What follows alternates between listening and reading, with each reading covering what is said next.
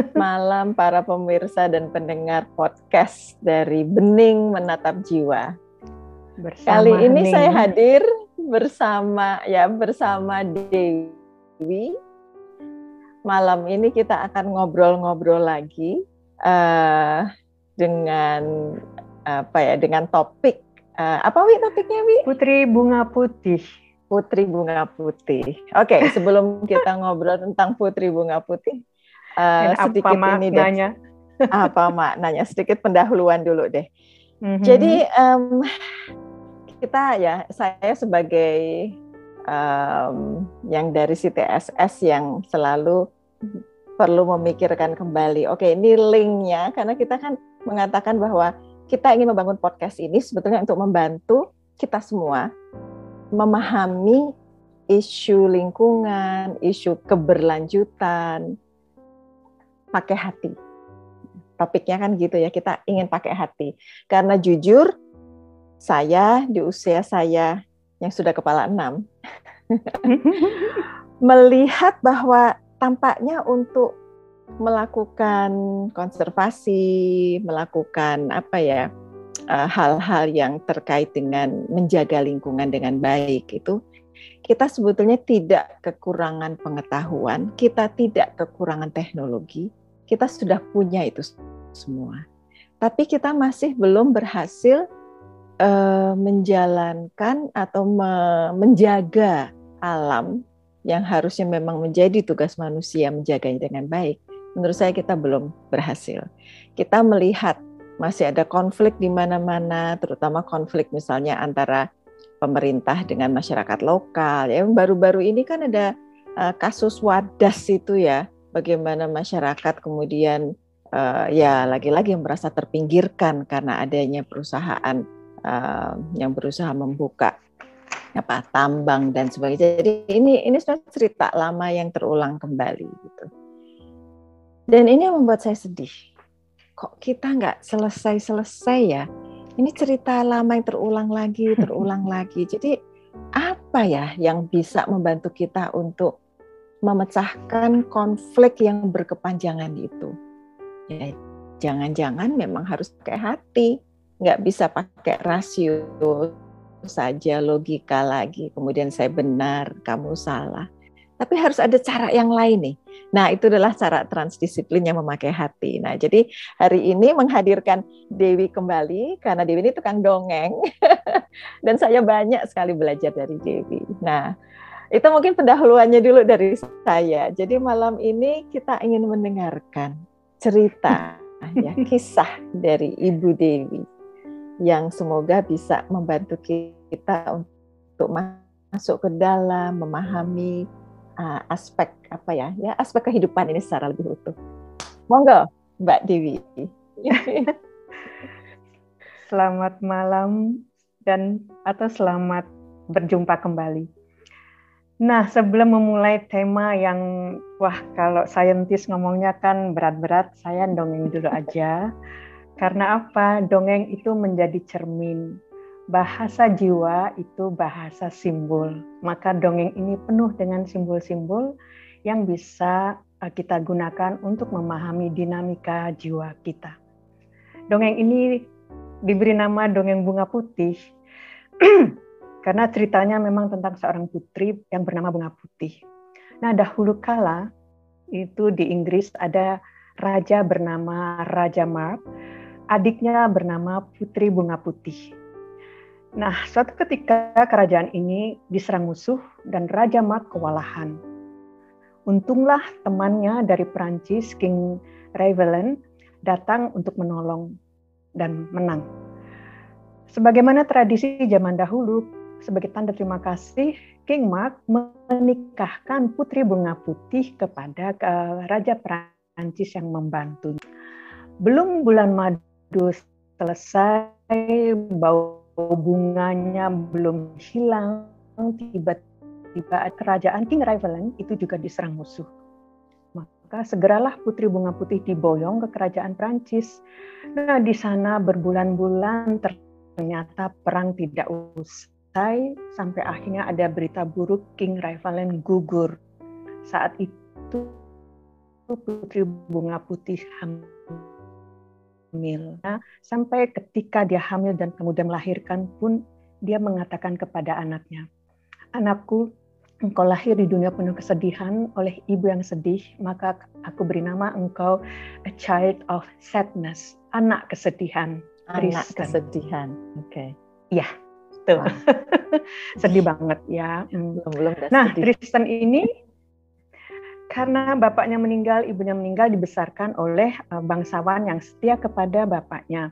Dibesarkan dengan tradisi baron, berburu, eh, memainkan pedang dan senjata lain. Tapi salah satu yang mengingatkan pada ibunya adalah musik, alat musik harpa. Dia pandai memainkan harpa. Hmm. Nah, singkat cerita, suatu ketika dia jalan-jalan di pantai, ada bajak laut di lautan sana melihat anak muda ini, lalu mereka tangkap, mereka masukkan di kapal. Dan di samudra ada ombak besar, orang-orang dikabarkan terdampar di tempat uh, kerajaan asal ibunya di Inggris. Hmm. Nah, di sana dia menjadi uh, pahlawan karena Tristan pun di sana berhasil mengalahkan musuh yang lagi menyerang kerajaan King Mark itu. Nah, singkat cerita, Tristan uh, terluka parah dalam um, perlawanan terhadap musuh, meskipun menang. Banyak uh, tabib-tabib kerajaan mencoba membantu dia untuk sembuh, tapi tidak bisa.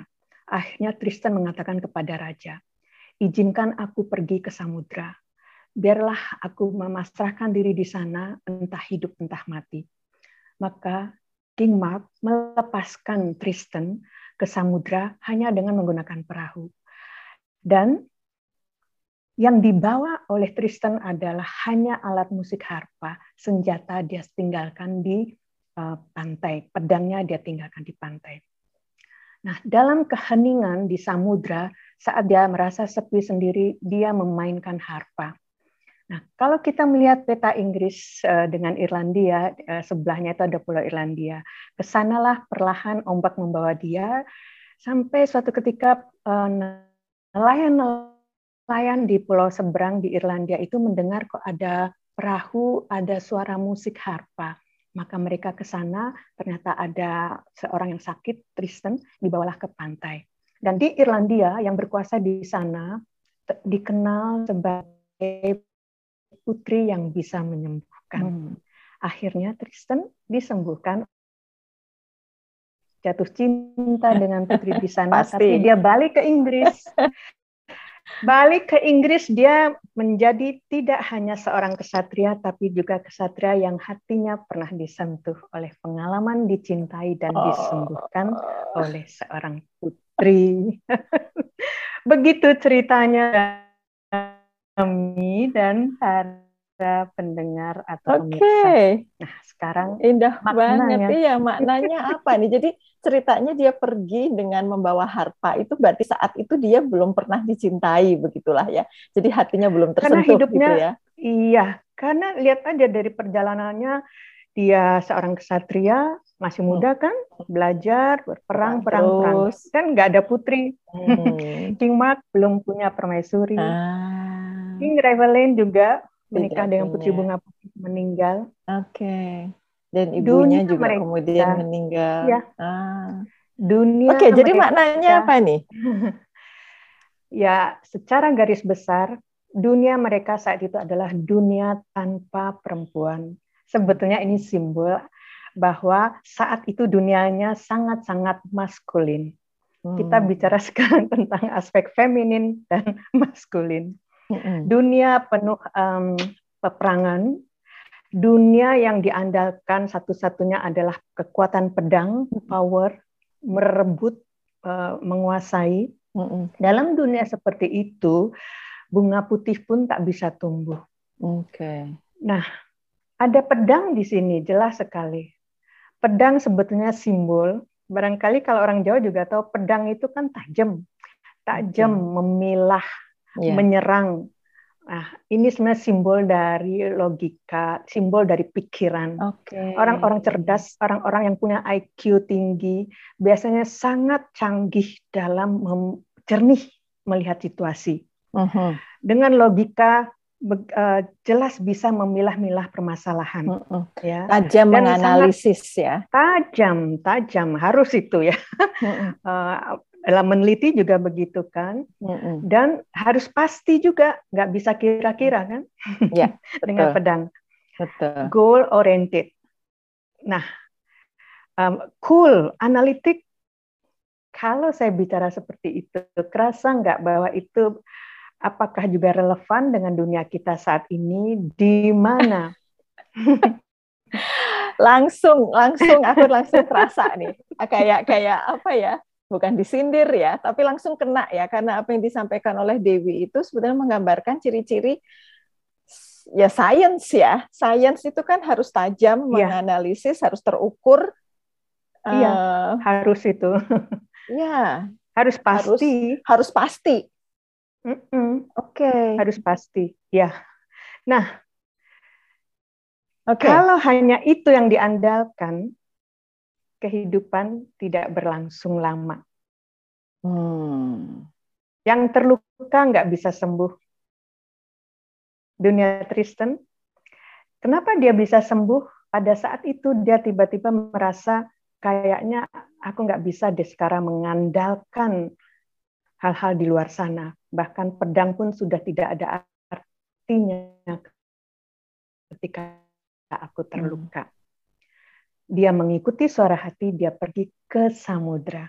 Samudra dalam dunia psikologi itu atau simbol, itu simbol hmm, juga dunia okay. dalam. Dia masuk samudra. Mungkin nanti ada cerita masih ingat uh, perempuan anjing laut juga dia pulang masuk yeah. ke samudra. Cerita samudra, cerita Bima hutan. mencari apa Dewi Dewa Ruci itu kan juga ke samudra ya kalau nggak salah ya. Kayaknya samudra. iya. Iya. Uh. Nah, itu simbol-simbol banget ya, simbol uh. jiwa itu memang samudra hutan belantara. Dan okay, Tristan okay. perginya sendirian loh, nggak nggak dikawal nggak apa. Mm. Dan dia hanya membawa harpa. Sebetulnya itu semua adalah ciri-ciri aspek feminin. Oke. Okay. Sebenarnya dongeng hanya memperlihatkan ketika hanya aspek maskulin yang muncul dalam kehidupan, uh -uh yang hanya mengandalkan kecerdasan otak okay. itu endingnya banyak menimbulkan kehancuran karena memisah-misah, ah. memilah-milah, okay. susah disatukan. Barangkali Anda sebagai sains sudah susah kalau uh, disama-samakan ya, butuh perjuangan. Tetapi okay. aspek feminin ini um, menurut saya di dunia zaman sekarang itu sangat dibutuhkan karena apa? Aspek feminin adalah aspek di mana uh, mampu untuk melepaskan, letting go. Seorang ibu ini sebenarnya tidak terkait dengan gender ya. Kita laki-laki bisa saja sangat feminin. Mm-hmm. Ciri-cirinya orang-orang yang aspek feminin tumbuh adalah dia hangat, mm. dia affectionate, mm. dia punya empati, dia banyak senyum hangat begitu, mm-hmm. ya Hmm. Ya, um, suka musik, humor, iya, gitu yeah, ya. Yeah. Nah, kadang-kadang kita, iya, kadang-kadang kita dalam kehidupan karena pekerjaan, karena situasi atau karena pendidikan kita dididik terlampau maskulin. Bahkan perempuan pun di dunia profesional juga kadang cenderung maskulin. Artinya apa? Uh, cool, analitik, sehingga lupa bahwa dia uh, punya kehangatan yang sebenarnya bisa merangkul dunia, bisa merangkul kehidupan, mm-hmm. bisa menyatukan. Sementara dalam dunia profesi kadang-kadang kita lebih bisa memisah-misah daripada menyatukan. Mm-hmm. Spesialisasi dan sebagainya itu kan berkembang. Kita lupa bahwa itu akhirnya berpengaruh pada jiwa kita. Kita kurang bisa hmm. untuk belajar saling menyatukan. Ya. Itu sebenarnya prosesnya cermin yang kita lihat di sini ketidakseimbangan. Okay. Barangkali dunia kita saya tidak tahu. Tapi yang saya rasakan memang begitu. Oke. Okay. Iya sambil sambil dengar cerita Dewi ini saya kayak apa merefleksikan kondisi saat ini gitulah ya. Mm-hmm. Um, aspek feminin, aspek maskulin ya bahwa dengan perkembangan ya kalau kalau kita melihat perkembangan ilmu ya ilmu itu kan katanya berkembang sangat pesat um, sangat ya ketika zaman pencerahan itu ya enlightenment itu ya mm -hmm. jadi ilmu berkembang sangat pesat ketika manusia mampu berpikir lebih apa reduction jadi reductionist thought yeah. itu membuat yeah. ilmu bisa berkembang karena karena kita mempunyai pedang itu tadi kita bisa iya. milah-milah sehingga kita yeah. kemudian menemukan apa klorofil kita tahu bagaimana mm-hmm. fotosintesis terjadi kita uh, menemukan gravitasi and so on and so forth itu kan memang memerlukan precision uh, teknologi. Nah jangan-jangan ini berpengaruh. Berpengaruh? Sorry. Kenapa? Berpengaruh pada dunia pendidikan. Kan yang dipentingkan nah, ada yang IQ-nya lebih yang IQ bukan EQ nah, bukan emosi that was uh, uh, selanjutnya saya tadi mau mengatakan itu bahwa jangan-jangan ya jangan-jangan pendidikan kita ini ya pendidikan modern lah ya. Iya. jangan-jangan pendidikan modern itu memang mengarahkan kita untuk lebih mengasah aspek maskulin kita. Dan kemudian kita agak melupakan aspek feminin. Karena dianggap aspek feminin itu kurang tajam untuk bisa menganalisis untuk bisa ya karena aspek feminin itu kan katanya tidak tegaan dan sebagainya ya sehingga ketika mau hmm. maju itu kita harus mengedepankan aspek maskulin kita begitu itulah awal yeah. berkembangnya eh, keilmuan di abad 17 abad yeah. 18 dan itu kemudian terus menjadi masuk ke dalam sekarang. sistem pendidikan kita. Iya. Dan itu kita alami kan Dami ke yang penting yang paling hebat itu anak IPA nah. gitu dan sampai sekarang pun eh, IPA IPA IPA padahal walaupun lo ya tetap sekarang aspek feminin itu mulai mulai dihargai di mana banyak juga anak-anak mulai dididik untuk art untuk musik bisa um, berkembang ilmu-ilmu um, yang sebetulnya mengandalkan aspek feminin seperti musik, seperti art, um, yeah. Fashion dan sebagainya kan um, kerajinan-kerajinan etnik yang sebetulnya itu bisa menjadi keseimbangan. Cuma sebetulnya tekanan masih kepada kecerdasan yang logika tadi. Belum sebetulnya dua-duanya sama pentingnya ya EQ dengan IQ sama itu. penting. Sama, sama. pentingnya. Dan hanya dalam perjalanan ya tidak seimbang. Tidak seimbang. Ya. Dan keseimbangan itu kan harusnya memang dimiliki oleh semua orang ya. Uh, ini apalagi, pergulatan Dami. Hmm, ini proses pergulatan. kita. Okay. Menurut saya ini proses uh, karena saya mendampingi banyak klien-klien uh, yang mau tumbuh jadi memang ini pergulatan dari ke banyak kehidupan, mm, banyak keluarga, bagaimana menyeimbangkan um, aspek feminin ini. Hmm. Karena keluarga-keluarga yang aspek feminin kurang tumbuh biasanya dibesarkan dengan sangat dingin, kurang kehangatan, kurang afeksi.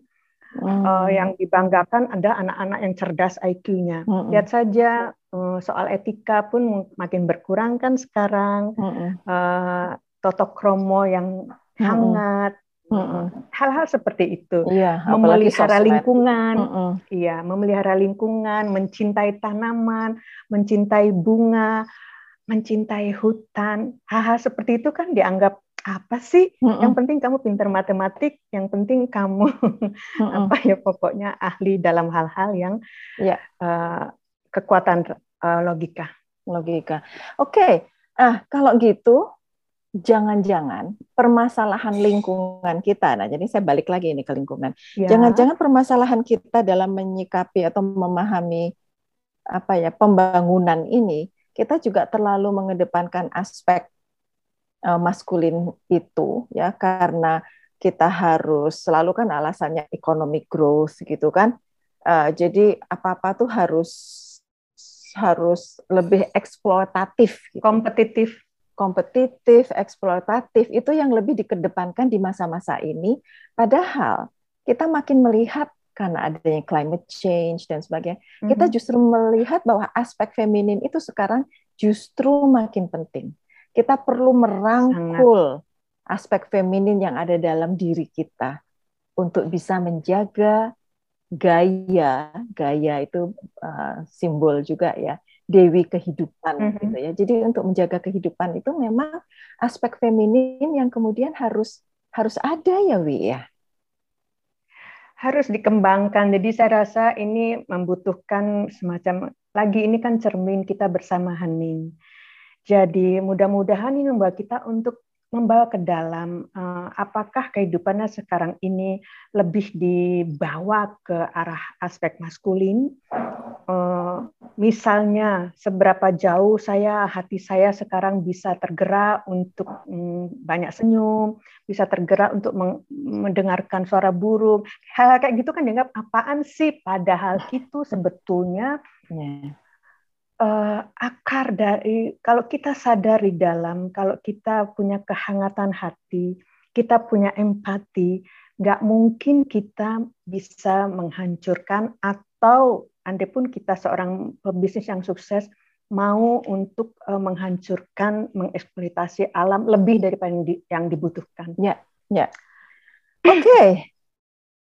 Jadi udah ketemu nih, ya. Jadi kita juga sudah di penghujung waktu, pas banget uh, Dewi tadi sudah menyampaikan dongeng yang luar biasa dengan makna yang sangat dalam tentang bagaimana uh, aspek feminin dan aspek maskulin itu sebetulnya sama-sama diperlukan. Dan di dunia saat ini, tampaknya aspek maskulin itu lebih diutamakan gitulah ya. Jadi saatnya iya. kita merengkuh kembali aspek feminin itu. Lu malu untuk merengkuh aspek femininnya gitu ya Dewi ya kali ya. Dan iya. perempuan juga, perempuan jangan maskulin amat. Ini ini saya ngomong ke diri sendiri ini. saya jadi mikir saya terlalu logis juga. Ini saya harus ya.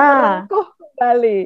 Kalau kita terlampau mengandalkan otak, lama-lama kita kehilangan banyak inspirasi ah. karena aspek feminin itulah yang memberi banyak inspirasi dari dalam. Ah, kata-kata okay. ini Widya minta ada quotes lagi. Apa nih quotesnya? Tapi mungkin pendek aja. Mm-hmm. Uh, saatnya kita semua masuk kembali ke dalam dan merengkuh aspek feminin yang ada dalam diri kita bersama. Gitu ya, Jadilah ya, hangat. Ya. Jadilah hangat. Jadilah hangat. Iya. Be warm. Jadilah Meskipun hangat. Kita, iya. Meskipun kita saintis, tetapi tetaplah hangat hatimu. Masih bisa melihat bunga di tepi jalan. keren, keren banget. Oke, terima kasih Dewi. Terima kasih juga Dami dan ya, para jadi, pendengar. Iya, bagi para pendengar, terima kasih sudah mendengarkan dan sampai ketemu lagi dalam podcast berikutnya. Makasih Dewi, makasih terima Widya. Kasih. Selamat malam, terima kasih Widya.